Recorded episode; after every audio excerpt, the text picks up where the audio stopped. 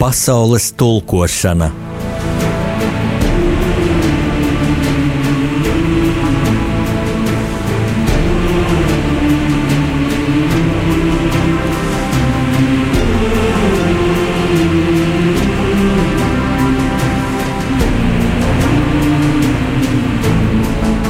Studijā rakstnieks Jānis Udris.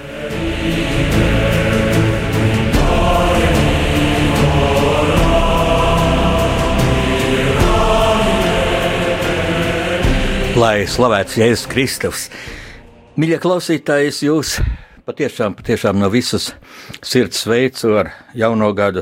Vēlu, lai tas ir ļoti veiksmīgs, priecīgs, laimīgs.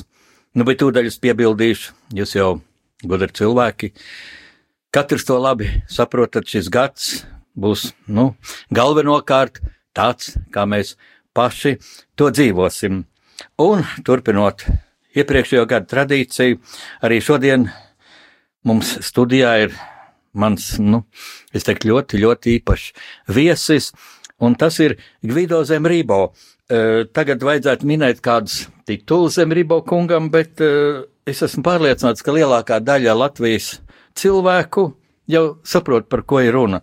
Tātad ļoti pieredzējis jurists. Man pat viens nu, vidējās paudzes jurists arī, arī ar slavenu vārdu, mm, kurš arī būs vienā no maniem raidījumiem. Kad es teicu, man runās Gvido Zemrībo, viņš teica, nu tas ir pareizi. Nu, ar to vajag sākt. Nu, tas ir īstais vīrs. Bet zem Rībo kunga nu, pieteikšana vēl ar to nav izsmelta, kas pateicis jurists, jo zem Rībo kungs ir arī diplomāts, ir bijis Latvijas vēstnieks Dānijas karalistē un Islandē, un ļoti pazīstams zem Rībo kunga vārds ir sporta pasaulē. Jūs ilgus gadus esat bijis tenis federācijas prezidents, un kad es paskatījos jūsu Zemrībā kungs un Lies Guļevs, kas uzrakstīja to grāmatu, kas iznāca 2015. gadā, darbs dara cilvēku, tad es uzzināju tādus faktus, ko es nezināju, pat ka jaunībā jūs esat spēlējis basketbolu pat ar mūsu, nu, vēlāk, nu, laikam gan visizcilāko basketbolistu Maigonu Valdmani. Un, oi, oi, tā kā mīļie klausītāji, atvainojiet, ka es tik gari tagad piesaku, tā tad Gvido Zemrībo esat mīļi sveikts Radio Marija Latvijas studijā. Vārds jums! Paldies, godējumi klausītāji! Es saprotu, ka šī ir pirmā pārraide jaunajā gadā. Jā. Un es gribu tādēļ jūs sirsnīgi sveikt šajā gadā. Gads droši vien tāds kā visi pārējie, un tomēr. Pats par sevi jau šī cipara kombinācija ļoti interesanta. 2-0, 2-0. Tas ir iespējams tikai reizes simtu gados. Un jāsaka, ka gribētu jums visiem novēlēt, lai tiešām tas, ko jūs vēlaties, lai piepildās. Bet tas ir arī atkarīgs no jums pašiem. Šeit uh, Odrakungs minēja, ka tāda grāmata bija iznākusi par mani, kuras nosaukums bija Darbs dara cilvēku. Bet es vadījos no tādas tēzes, ka cilvēks dara darbu. Un strādājot, darot šo darbu, tas darbs savukārt atstāja iespaidu šo cilvēku un dara šo cilvēku. Cilvēks nevar būt atrauts no tāda, no sava darba, no savas apkārtējās vidas, no tiem visiem, ar kuriem viņš kontaktējās. Un tāpēc daudz kas mums, mūsu dzīvē ir atkarīgs no tā, kā mēs paši protam šo darbu darīt, kā mēs protam ar citiem cilvēkiem tikties, satikties, viens otram palīdzēt, viens otru atbalstīt un nemeklēt, teiksim, citātos negatīvos momentus. Jo neviens mēs neesam bez vainas, bet acīm redzot, ir jāmeklē tas labais. Un tas ir tas, kas, domāju, kas padara mūsu dzīvi jauku, saulainu, pilnvērtīgu. Tāpēc es jums novēlu, lai tiešām šis gads būtu mums visiem laimīgs. Nu, un, protams, iet runa par tādu vecumu kā manējais, droši vien tomēr bez veselības, labas veselības novēlēšanas arī, acīm redzot, neiztikt. Kaut gan arī veselība ir atkarīga no mums pašiem daudzajā ziņā. Tātad, lai jums visiem stāv dieviņš klāt un lai jums labi veicās. Liels paldies! Es arī pats pieņemu ar pateicību šo jūsu brīnišķīgo vēlējumu, un man liekas, tas pats vērtīgākais, ko mēs šajā nu jau nepilnajā stundā varētu dot klausītājiem, būtu jūsu tādi nu, viedie spriedumi. Tajos momentos, kur Latvijas sabiedrība, nu, diemžēl, ļoti apjukusi. Tā es tādu caurmēru latviešu runāju. Nu, es esmu dzirdējis ļoti dažādas spriedumus, un joprojām dzirdu, piemēram, par mūsu valsti, ja, kur mēs atguvām 91 gadā. Mm, ļoti mīlu. Bija pa žurnālisti, ja minēt, mēs tur pēdējā vietā, pēc tam viņi saka, Eiropā, ja, un mēs esam kā, kaut kur pēdējā vietā, tad ne jau pašā Eiropā, bet Eiropas Savienība ir taču vēl, ojoj, kādas problēmas Eiropas valstīs, un kaut vai Ukrainā. Eh, bet, eh, nu, ja mēs pieņemtu tādu simbolu, ja, ka mums uz galda ir glāze, ar ūdeni, vai teiksim, tēju, kā mēs pirms brīža dzērām. Un tajā glāzē ir puse, puse tējas. Un tad pie kuriem, teiksim, komentētājiem jūs piedarāt? Vienu saka, vai dieniņa, vai dieniņa tikai puse glāzē. Es jūs sapratu, jā. Par šo, par šo tēmu, ar ko atšķirās pesimisms no optimisma, ir vesela virkna anekdotu, bet laikam šis nav tas brīdis, kad stāstīt anekdotas. Bet es saprotu, protams, daudz kas ir no tā atkarīgs. Šajā sakarā es, protams, zinat, skatos, ka uh, nevienmēr mēs izvēlējamies pēc neatkarības atjaunošanas to labāko ceļu, sevišķi, kas attiecās uz ekonomikas attīstību un tā tālāk. Un varbūt arī ne tie labākie cilvēki bija pie tā risināšanas, bija tādi, kuriem savs maks bija tuvāks nekā sabiedrības intereses un vajadzības. Bet vienmēr, par, vienmēr jūs atradīsiet, jebkurā valstī, jebkurā valstī jūs atradīsiet cilvēkus, kas nav apmierināti, jo valsts nav ideāls veidojums. Un Čečils kādreiz teica, ka demokrātija nekur neder, tikai nekas labāks nav izdomāts. Tā kā, protams, tas ir, bet viens, ko es gribētu teikt – un ko nevajadzētu mums aizmirst. Es sāku iet skolā 1940. gada 1. septembrī. Es neesmu nevienu dienu gājis skolā neatkarīgā Latvijā, jo 40. gada jūnijā mūsu Rīgas, pils, Rīgas pilsētā iebrauca padomu tanki. Un tad, kad es sāku iet skolā, man vecāki man teica, Zindēliņ, tas, ko mēs runājam šeit, nevienam citam nav jāzina. Tas paliek tikai starp mums. Un ienāca vācu okupanti, un man vecāki teica atkal to pašu. 44. gadā vācieši no Rīgas padzina, un man vecāki teica atkal to pašu. Mēs bijām raduši, kad domājam vienu un runājam pavisam ko citu. Tā bija tā sabiedrība. Un tas, ja šodien jūs kādam jaunam cilvēkam, kurš ir piedzimis jau pēc mūsu neatkarības pasludināšanas, mēģināt iestāstīt, klausies, tu to vari domāt, bet tu nedrīkst runāt. Viņš to nesaprastu. Jo šeit ir, mēs jau esam izveidojuši citu sabiedrību. Un tā ir tā vērtība, kuru mēs esam šodien ieguvuši, izcīnījuši, un ko mums neviens nevar atņemt. Neatkarīgi no tā, kāda partija būs pie varas, kuras premjeras būs, cik viņš būs gudrs vai dumšs, neatkarīgi no tā, kādas šīs politiķi tur sēž tajā saimā. Tā ir viena no tām kapitāliem vērtībām, kas mums, ko mēs esam izcīnījuši un ko mums neviens nevar atņemt. Tā kā uz to glāzi, kas ir pusē, mēs varam skatīties ar lielu optimismu. Es arī tā domāju, un viņa būs pilna. Nu, var arī tā teikt, kaut gan pilni viņi nav. Jā, bet daudz ir jādara. Diemžēl cilvēki turpina braukt prom no Latvijas. Ir kas atgriežas, jā, un man patīk, ka uh, ir labi televīzijas raidījumi par viņiem.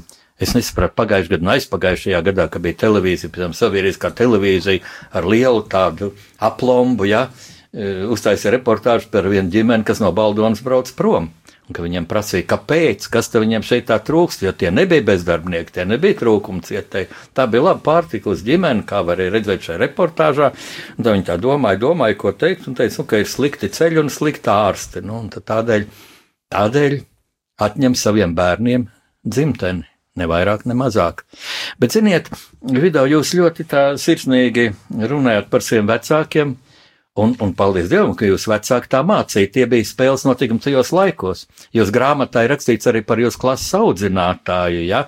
ka jūs 44. Eh, gadā, kad atkal ienāca sarkanā armija Latvijā, Rīgā, e, ka jūs klausījāties, ko jūsu audzinātāji tagad saka, un ka jūs atcerējāties, ko viņi teica 42. gadā jums, bet jūs viņu sapratāt. Jūs taču bijāt bērni, bet jūs sapratāt šo dubultu morāli, kas bija uzspiesta.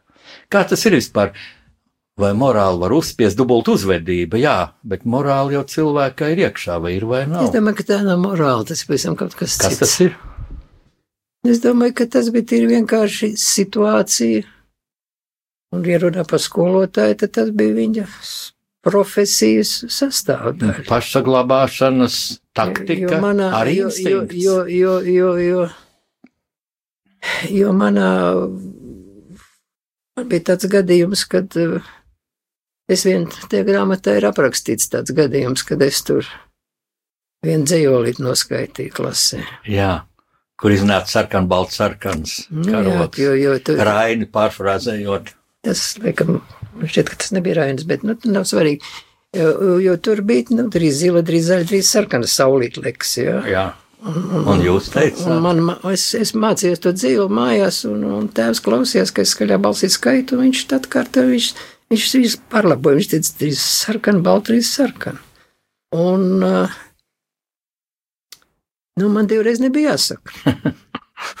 un es skolā tagad, tur skolā tā izsauc, kas tur noskaitīja to dzīvolīti, viens, otrs, trešais, un viņi beigās vai vēl kāds grib visus noskaitīt, es pats celu roku un noskaitīju. Es domāju, ka man klases biedri to lāgā nepamanīja. Jo, nu, dzīvos ir dzīvos, un ko tur tur tur. Klasa, tāpat klases audzinātāji to ļoti labi dzirdēja. Viņi lika man palikt pēc stundām, un tā mēs ļoti izrunājāmies.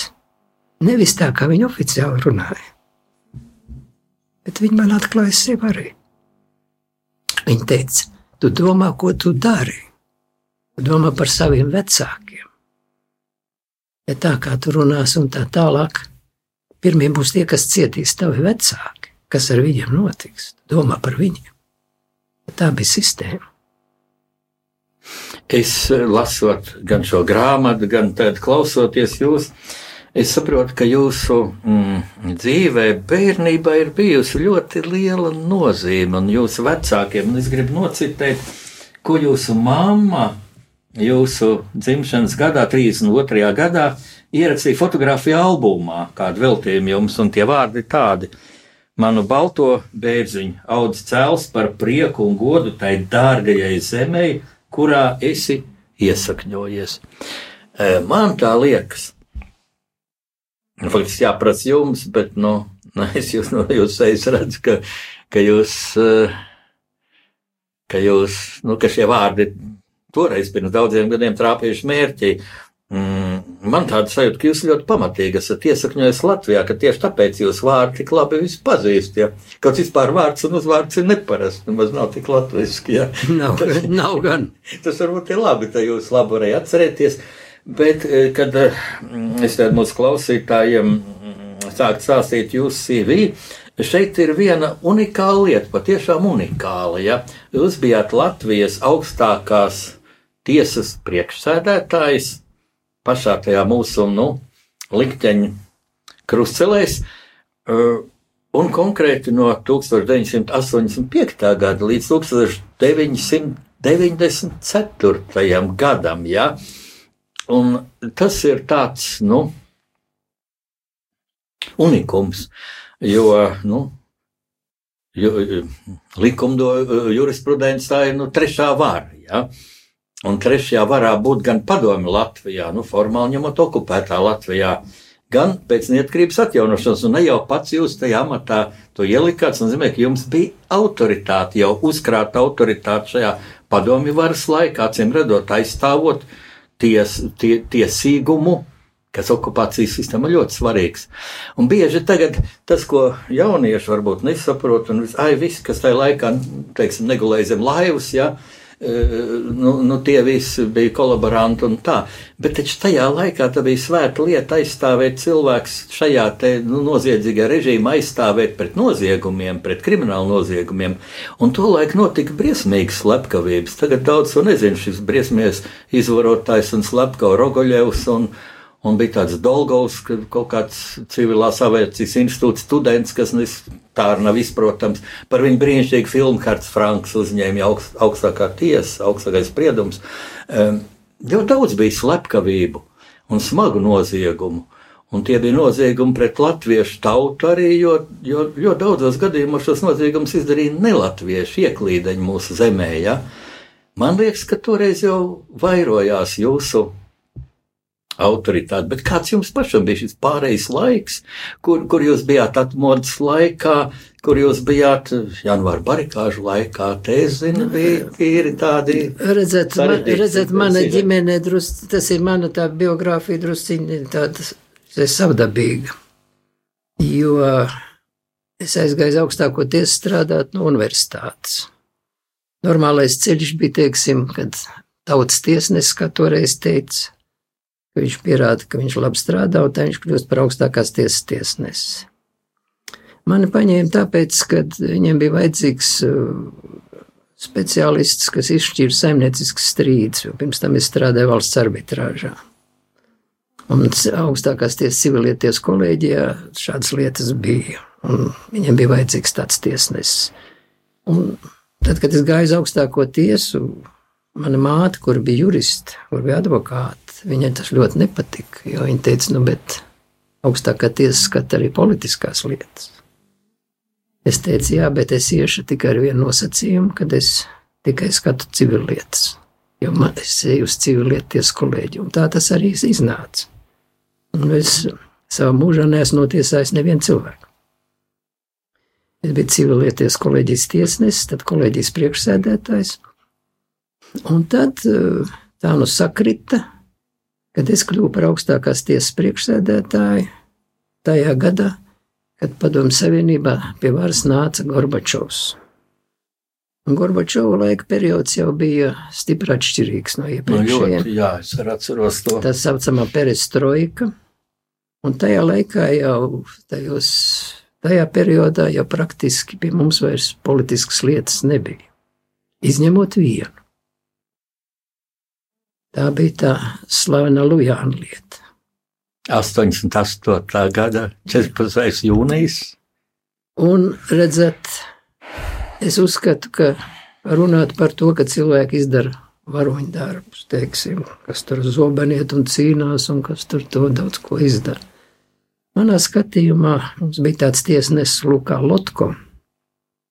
Es domāju, ka tas, ko viņš izdarīja, tas bija tāds pilsonisks varoņdarbs. Jo es domāju, ka otras tādas lietas visā Padomu Savienībā nebija. Kad čekas lietā tiesa iedrošinājās cilvēku attaisnot. Tāpēc tas jau bija skaidrs. Te jāpasaka, būt, ko tas Lujāns bija izdarījis 88. gada 4. jūnijā. Jā. Jūs pateiksiet? Nē, nu, jūs jau arī varat pateikt, tas jā. ir visiem zināms. Ir. Nu, jaunie klausītāji nezinās. Bet... Nē, nu, var sakot, šis viņš cilvēks. Ar varoņu darbu izdarīja. Nu, nu, tas ir tā, nu, nu, jā, nu, viņš nebija vienīgais ne tāds, bet cilvēks uzstājās tur, stāvēja ar plakātu, kurā nosodīja Molotovu-Ribbentropu paktu, un uz tā plakāta bija arī kā, kā nodevēja arī norādīt arī Padomju Savienības vadošās personas un, un arī mūsu Latvijas vadošie politiskie darbinieki. Augusts Voss, tur bija Zenīts, ģenerāla prokurors. Es, es neesmu pārliecināts, ka Zenīts tur bija, ka man liekas, ka Voss varbūt bija. Viņi bija nosaukti Kangari. Jā, jā varētu būt. Nu, un, un, un, un, un, un tas jau bija jau tas jau laiks, kad jau šie atmūtas vēji sāka pūst, un Čeka nolēma kopā ar prokuratūru tā notiesāt šo cilvēku, bargi, lai citi zinātu, ar ko ir darīšana, ja mēģinās atkārtot darīt to, ko viņš darīja. Tāds bija tas mērķis, viņu arestēja, viņu iesēdināja. Nu, tad tā lieta nonāca līdz augstākajai tiesai. Nu, šis tiesnesis viņu attaisnoja. Nu, pēc tam sākās otrais cēliens, kad jau pret mani tika izdarīts milzīgs spiediens, jo gribēja panākt partiju, kad, kad uh, lai es iesniedzu protestu par šo spriedumu, ja man tādas tiesības bija. Arī Republikas prokuroram Zenītam arī bija šādas tiesības. Bet viņš baidījās, ka viņi to protestu var augstākā tiesas tiesneša noraidīt. Bet viņi domāja, ja es iesniegšu šo protestu, tad šo arī atcelšu Jo, šo, attais, šo attaisnojošo spriedumu. Augstākais tiesas tiesneši jau arī daudz bija nacionāli noskaņot un ar Mums- tautu un mums- jūta mums- tautas mums, mums, tas, prasību. mums tas sastāvs bija stipri nacionāls. Jā. Nu, viss nu, skatās uz nu, jums. lūk, nu, lūk, jā, nu, un tad uh, bija spiediens tur presē un tā, un tā, un tad beidzot man izsauca. Tur bija tāds centrāla komitejas otrais sekretārs, tie otrie sekretāri tie bija Maskavas iecelti. jā. Būtībā viņš bija pat galvenāks par pirmo sekretāru. Viņš ziņoja Maskavai. Jā, jā, vai šo jā, pirmo jā. sekretāru Jā, zinu. nevajag pamainīt. Jā, kādu jā, kā, kā, tas pirmais, kā tas pirmais sekretārs uzvedās. Jā, jā, uzraugs, jā. Nu, viņš man izsauca. Soboļevs. Jā, mums bija. Kurš pats arī bija uz Lujāna plakāta. jā. Viņš bija arī uz tā, jā. Mums bija gara saruna. Nu, viņš gribēja man piespiest. Nu, viņš saprata, ka tas viņam neizdosies. Un tad viņš, tad viņš teica, es saprotu. Krievu valoda, protams. Viņš teica, es saprotu, ka jūs tiesneši esat pakļauti likumam. Bet ir vēl partijas disciplīna. Tas bija ļoti daudz nozīmīgi pateikts. Domā, ko tu dari? Jūs varēja iznīcināt, pēc, ja nepakļausieties. Nu, ja tas nebūtu Gorbačovs laiks, ja tas būtu cits laiks, tad arī tas tā notiktu. Nu, bet es šos vārdus atcerējos. Un tad pagāja ne, ne tik daudz laika, kad mums jau tā partija tāda sāka tur šķelties, un tā bija, tur, teiksim, bija Rubiks ar saviem komunistiem, un, un bija nacionālie komunisti, kurus vadīja Enziņš, kas bija partijas universitātes sekretārs. Un, un tad mums bija partijas sapulcs un augstākajā tiesā, ja visi tiesneši bija partijas biedri. Un, un tad es pacēlu jautājumu, es saku, nu, bet kā jūs domājat? Vai tas ir pareizi, ka, teiksim, tiesnesis ir partijas biedrs tagad, un, un uz dažādas partijas, un tā, un kā? Nu, es tur vēl provokatīvu jautājumu uzdevu vienam, kas bija tāds, nu, stipri tāds sarkans, ja tā varētu teikt. Un viņš teica, nu, jā, savādi ir, jā. Tad es piecēlos un teicu, zinat, man ir priekšlikums. Tas sauksim rīt augstākās tiesas plēnumu. Un augstākai tiesai likumdošanas iniciatīvas tiesības. Un ierosināsim, lai izdara grozījumu likumā par tiesu iekārtu un ierakstīsim, ka neviens tiesas nevar būt partijas biedrs. Lūk, Un, šī, un, un, un es savu mūžu nesu tādu aplausu dzirdēju šajā zālē. Starp tiem tiesnešiem, kas visi bija komunisti. Un tas lielākais paradoks ir tas, ka pēc dažām dienām bija tā augstākās, tiesas, augstākās padomas sesija, kur es ar šo savu likuma projektu uzstājos. Gorbunovs man deva vārdu. Un tas interesantākais, ka tā augstākā padoma tā nebija tā, kura pasludināja Latviju par neatkarību. jā, vēl Tā pirms bija tam tā iepriekš. iepriekšējā, jā. tā, kur bija strādnieki un, un zemnieki, kolhoznieki un pirmrindnieces un tā tālāk, un, protams, partijas aparačiki visi. Un, un kā pa brīnumu šo likuma projektu apmierināja.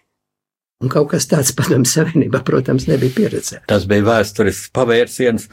E, Tagad es gribētu pavērsienu arī mūsu raidījumā, proti, muzikālu, muzikālu nu, pauzi, kurā skanēs mūsu viesa Gvido Zemrībo izraudzīts skaņdarbs.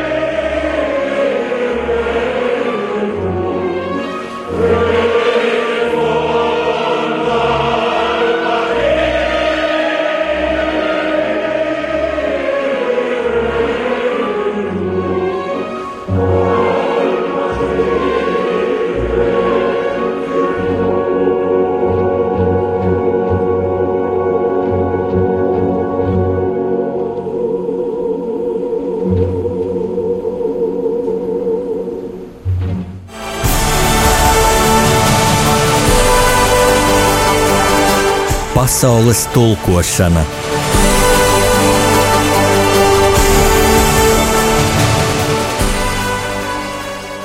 Jums runā Jānis Udrichs, un, un mūsu viesis šodien ir Gvido Zemrībo.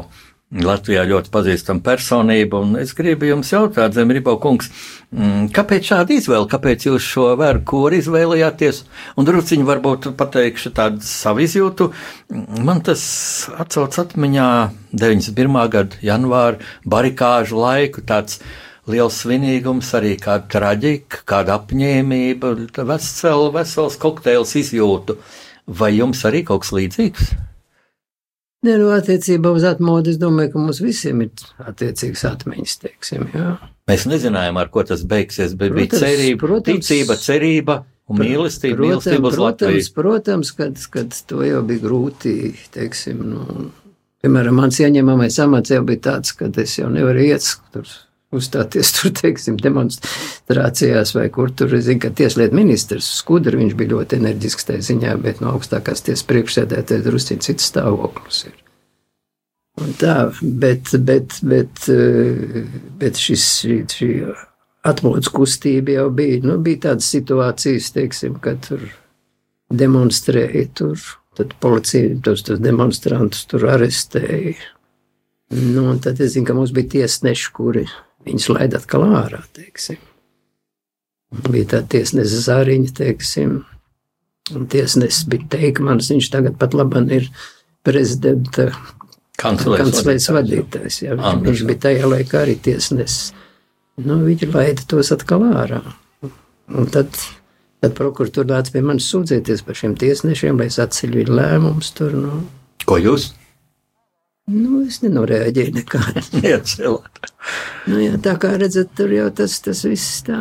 Bet pašā tajā spriegākajā 91. gada janvāra brīdī, kad notika apšaude pie iekšlietu ministrijas, ka būtībā tas varēja būt pat sākums varbūt milzīgai traģēdijai, ka mēs arī zaudējam divus mīļus mūsu operators un vēl vairākus cilvēkus, vairākus Latvijai lojālus miličus. Mm, tad jūs bijat Amerikā. Jā, tā sagadījās, kad, kad, kad mani uzaicināja uz piedalīties vienā seminārā. Un es tā domāju, ka tas ir tāds brīdis, ko var izmantot, jo, jo redzat, tas, kas notika Viļņā, un varēja arī Rīgā kaut kādā mazākā mērā, un varēja arī būt Tallinā, bet kur vairs nebija. Kad, uh, tas bija zināmā mērā interesants moments, bija tas, ka bija tas saucamais līča karš. Jā. Un viss pasaules uzmanība bija vērsta uz šo līča karu. Un bija spēki padomju savienībā, kas domāja, ka uz tā fona to, kas notiek Baltijā, nepamanīs. Ka paklusām jo, jo, jo, līdzīgs, līdzīgs scenārijs bija kādreiz, kad 56. gadā izrēķinājās Ungārijā ar neatkarības cīnītājiem. Tad tajā laikā bija tā saucamais uh, Suecas karš. Anglija, Francija ar Eģipti, jo tur Eģiptes toreizie diktators nobloķēja to, to Suecas kanālu. Un tad arī bija karš. Un arī pasaules uzmanība bija vērsta uz to, un, un izmantoja to gadījumu, padomu savienību noslīcināja asinīs visu to Ungāru protestu. Un radās tāds iespējas, ka kaut kas līdzīgs var notikt arī šajā brīdī. Un, lūk, un es piekritu, kad piedalīties šajā, šajā konferencē. Tur bija runa par to, kad, kad apspriest nu, demokratizācijas problēmas, teiksim, tiesā, kā pārveidot tiesas, padarīt demokratiskākas, teiksim, nu, padomju savienībā un tā tālāk. Nu, man uz to pasākumu uzaicināja. Nu, tur bija nu, bijušās padomu, nu, tas toreiz padomu savienības, tur juristi vairāk un tā tālāk, un es arī gatavojos tam pasākumam. Un tad organizatori, kas bija Amerikas, tad Ņujorkas tad advokātu organizācija, kas to organizēja visu. Un tur viena meitene, kas bija no tās organizācijas, viņa man parāda New York Times 20. janvārī. Viņa saka, redziet, tur Baltnē, Rīgā notikusi tāda asins izliešana. Un es izlasīju visu to, kas aprakstīts tur New York Times. Un tad es teicu, zinot, es nevaru tagad diskutēt ar jums par šiem problēmām, kas saistīts ar tiesas demokratizāciju. Atļaujiet man pastāstīt amerikāņu tautai par to, kas notika pie mums, kas notika Viļņā, kas notika Rīgā. Un viņi, protams, bija ļoti pretimnākoši un radīja man visas tās iespējas. Jūs savā teicamajā angļu valodā, ko jau no bērnības, jau no skolas gadiem jūs tā īpaši mācījāties, es zinu. Jā, un patiešām viss kā ir. Nu, un tad, eh, ja tur tā, tā, tā konferences tie, tie pārējie runāja par tiem juridiskiem jautājumiem, tie, kas tur bija no tās padomju savienības, un, Viņi runāja krieviski. Es jau biju sākumā domājis, ka es krievu valodā uzstāšos, bet tad es domāju, ka, lai kad nebūtu nevienas šaubas, jo, zinu, kādreiz man gadījās, ka tulki nevisai precīzi, bet es gribēju tā, lai, teiksim, katrs vārds trāp mērķī. Tāpēc es sagatavoju uzstāšanos angļu valodā. Nu, tad pēc tam, ja man tur intervēja, tur, tur Voice of America un BBC un, un, un visādi citādi, un tur es Ņujorkā parādīju, uzstājos tad. Un, un, un, un, un daudzās citās vietās, tā kā tikos ar ASV senatoriem, tā skaitā Edvardu Kenediju un Orinu Hedžu, nu, gan no demokrātiem, gan no republikāņiem, un stājos tādā ietekmīgā organizācijā un ar savu, es nolasīju faktiski to savu to runu, gan, gan Kolumbijas universitātē, gan pēc tam vēl tā kā, nu, tad man tur bija diezgan daudz, es biju tur, tur jo, jo, citu, viņiem bija, amerikāņiem bija tāds savdabīga attieksme pret mani. Viņi kaut kā teica, nu, tie amerikāņu latvieši, viņi tā drusciņi tā kā, nu, tā kā tāda veca plata, viņi visu vienu to pašu runā tā, bet jūs esat svaigs cilvēks no turienes, reāli, kas visu to ir redzējis. Nu, un, un viņi deva visas tās iespējas, man pat bija tikšanās tāda neoficiāla ar ANO ģenerālsekretāru palīdzi Aha.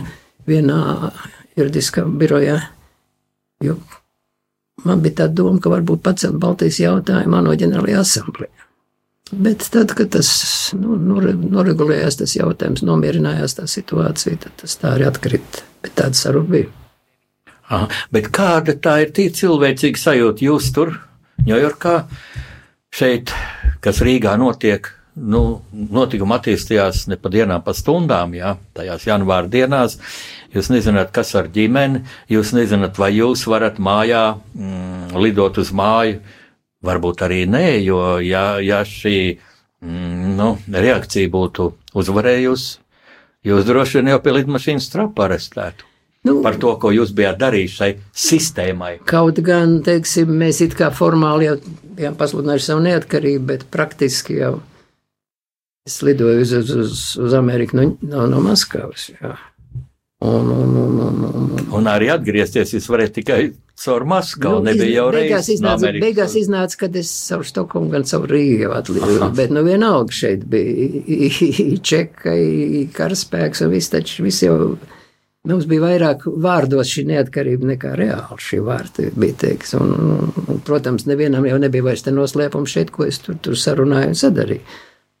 Tā kā, un, un, un tad man bija tāds tād šifrēts saruna, tur, nu, es no turienes varēju sievai, protams, piezvanīt. Un, un es tur sievai, es tās, tās, citu, mums bija tā sarunāts, kad es jautāšu, kāda ir veselība tam tēm mildai, ar to domāt, tā milda, kas ir brīvs pieminekļi augšā.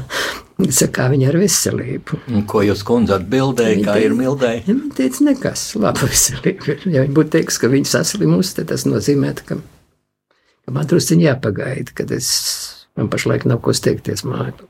Jā, redziet, atkal vielu pārdomām. Es domāju, šis īstais brīdis otrajai jūsu muzikālajai izvēlei. Lūdzu, lai skan.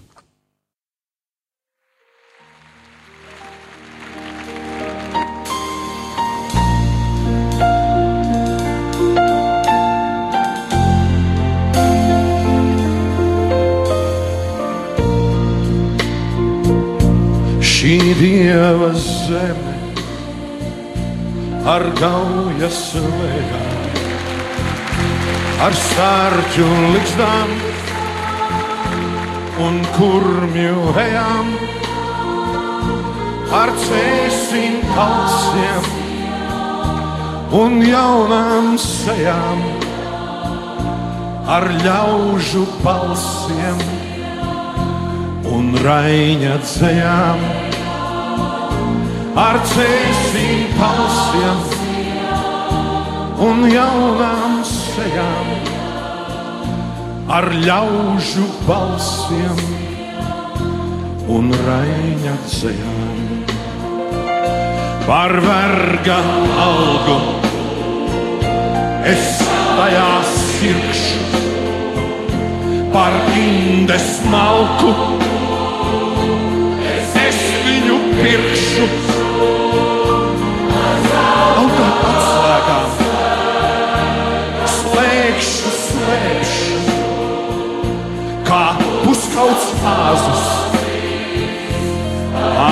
viņu brēkšu, ar zelta atslēgām. Slēgšu, slēgšu, kā puskauts āzus, ar viņu brēkšu ak, svētā brīve! Tik tad es jūtu, cik esmu nesis to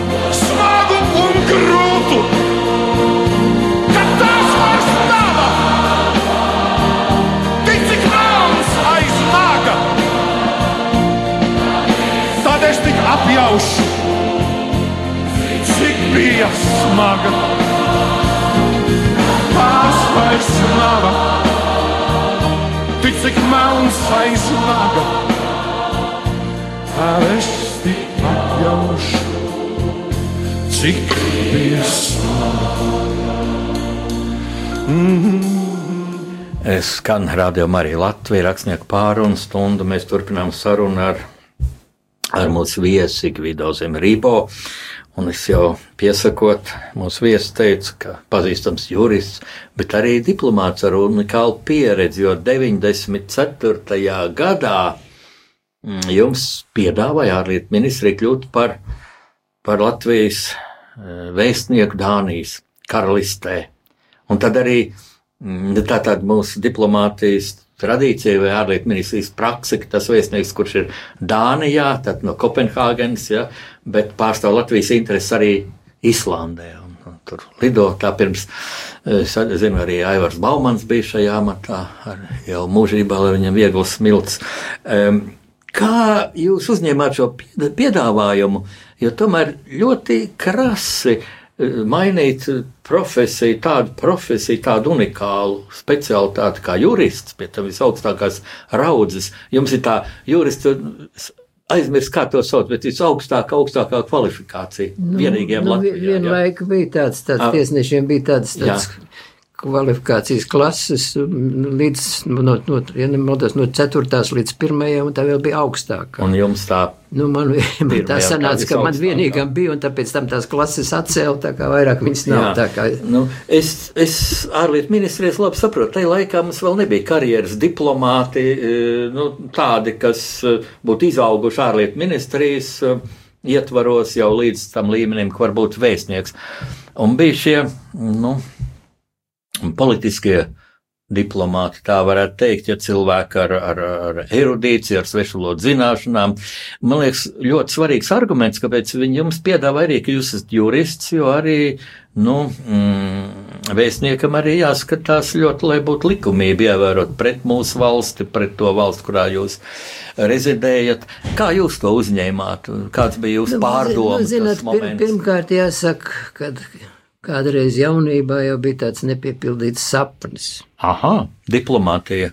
Jo es jau ļoti labi zināju pasaules vēsturi, geogrāfiju, un kad universitāte es beidzu, es jau uzrakstu, manas diploma darbs bija starptautiskajās tiesībās. Mans diplomāta nos, mans darba nosaukums bija Austrijas pastāvīga neutralitāte. Aha.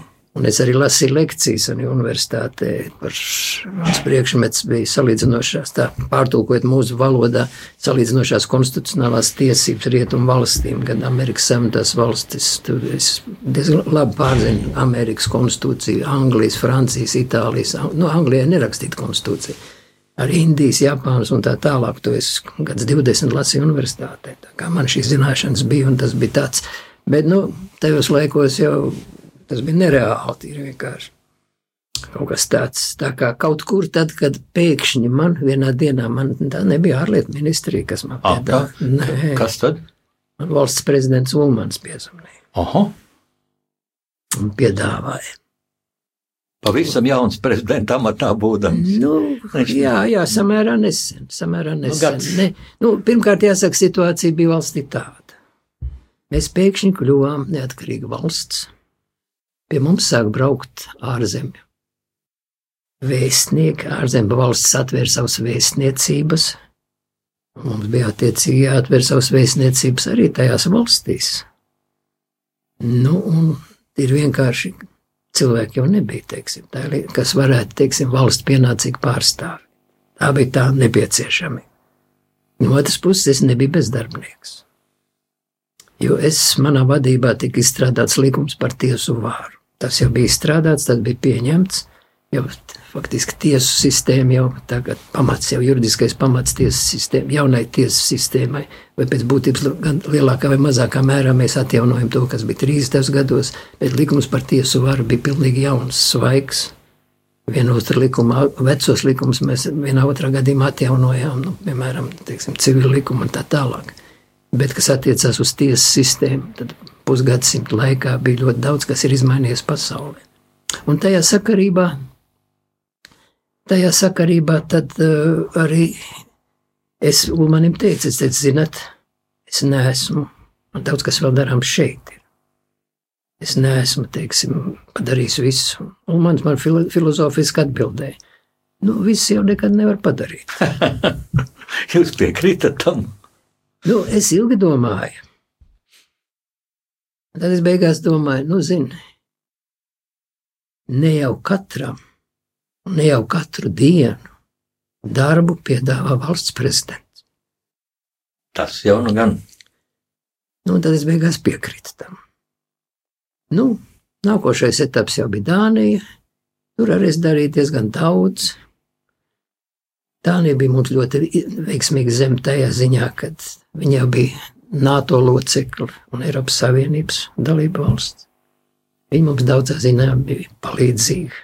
Man bija ļoti labs kontakts ar, ar, ar, ar Dānijas arī ārlietu ministru. Starp citu, tenis spēlējām kopā. tā tā labākā diplomātija dažkārt varētu būt. Dažkārt tā ir. Jā. Ko pie galda nevar sarunāt. Arī ar viņu sievu spēlēt tenisā. To laukumā. Kortā. Nu, nu, lūk, un, un, un, un tas viss, un starp citu, Dānija faktiski piedzima mūsu patreizējā Latvijas armija. Nu, es brīžiem es biju vēstnieks, brīžiem es biju militārais attašējs. Jo vienā Dānijas pulkā bija Baltijas bataljons, kurš sastāvēja no trim rotām - Igaunu, Latviešu un Lietuviešu. Un tur apmācīja mūsu karavīrus. Mūsu karavīri jau sāk braukt, piedalīties kaut kādās tur operācijās ārzemēs, un tā pakāpeniski. Sākotnēji mums jau nedēļa ieroči. Mums, piemēram, amerikāņiem bija embargo. Tad, kamēr pārliecinājām viņiem, ka mums ir, mēs, mums jādod ieroči, tad sāk mums sūtīt, tad sāk mums apbruņot un tā tālāk.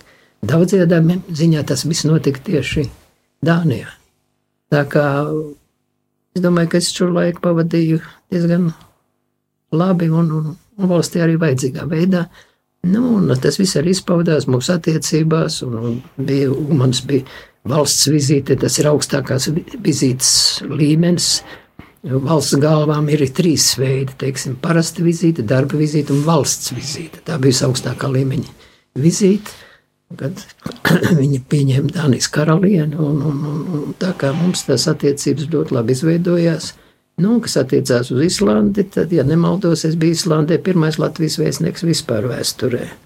Jo, ja Dānija, teiksim, mums jau Latvijā Dānija bija 30. gados diplomātiskas attiecības, tad 30. gados Islanda nebija patstāvīga valsts. Labi, Dānijas kolonija.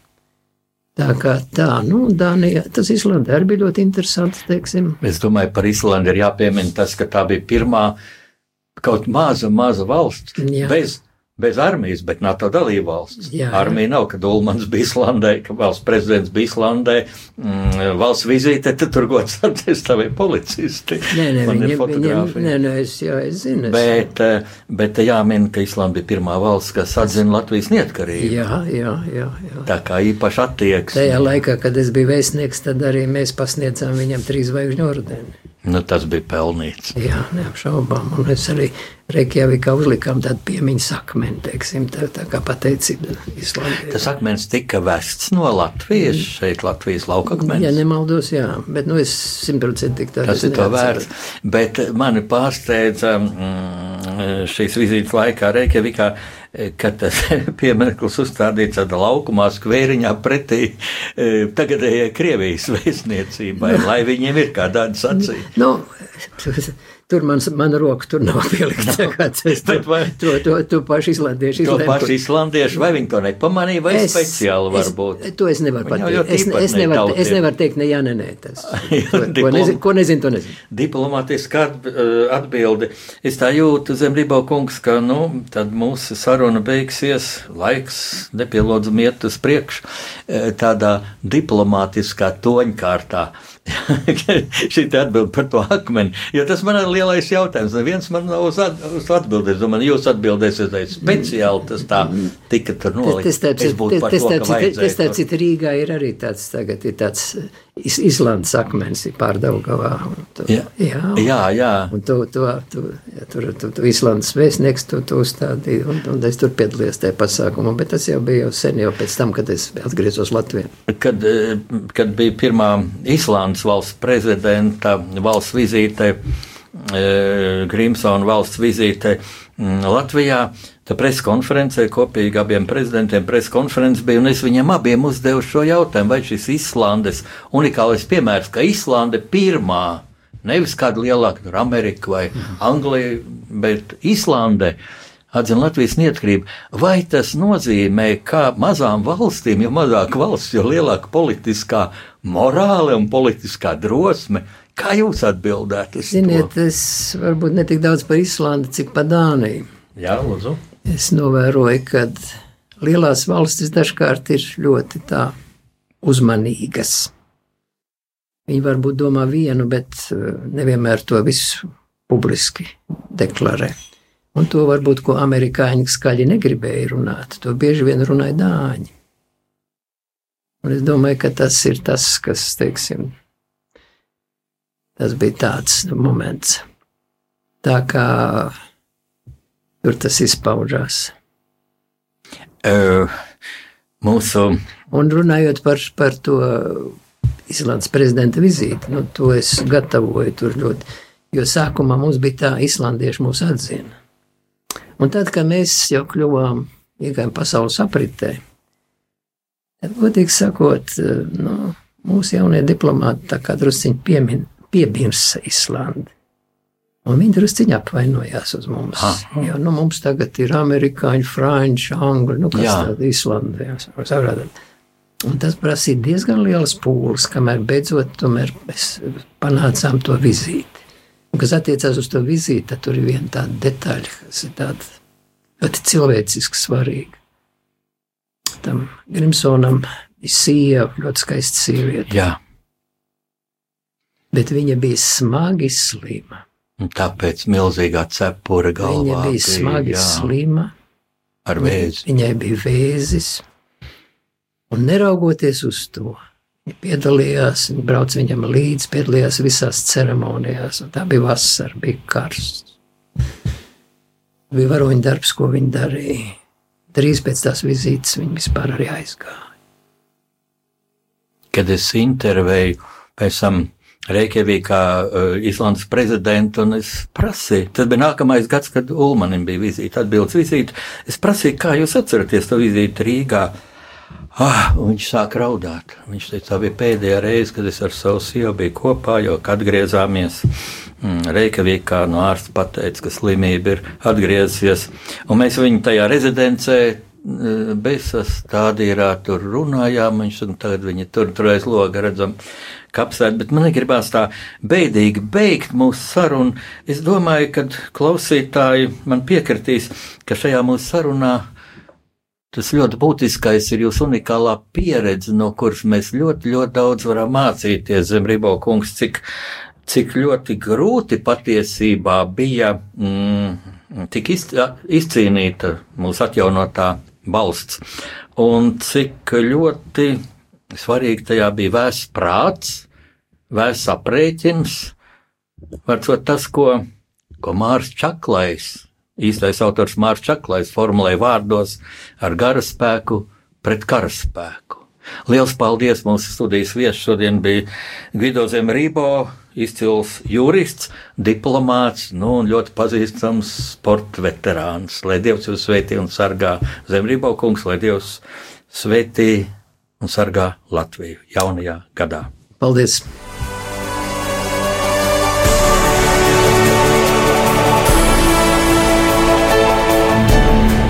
Pasaules tulkošana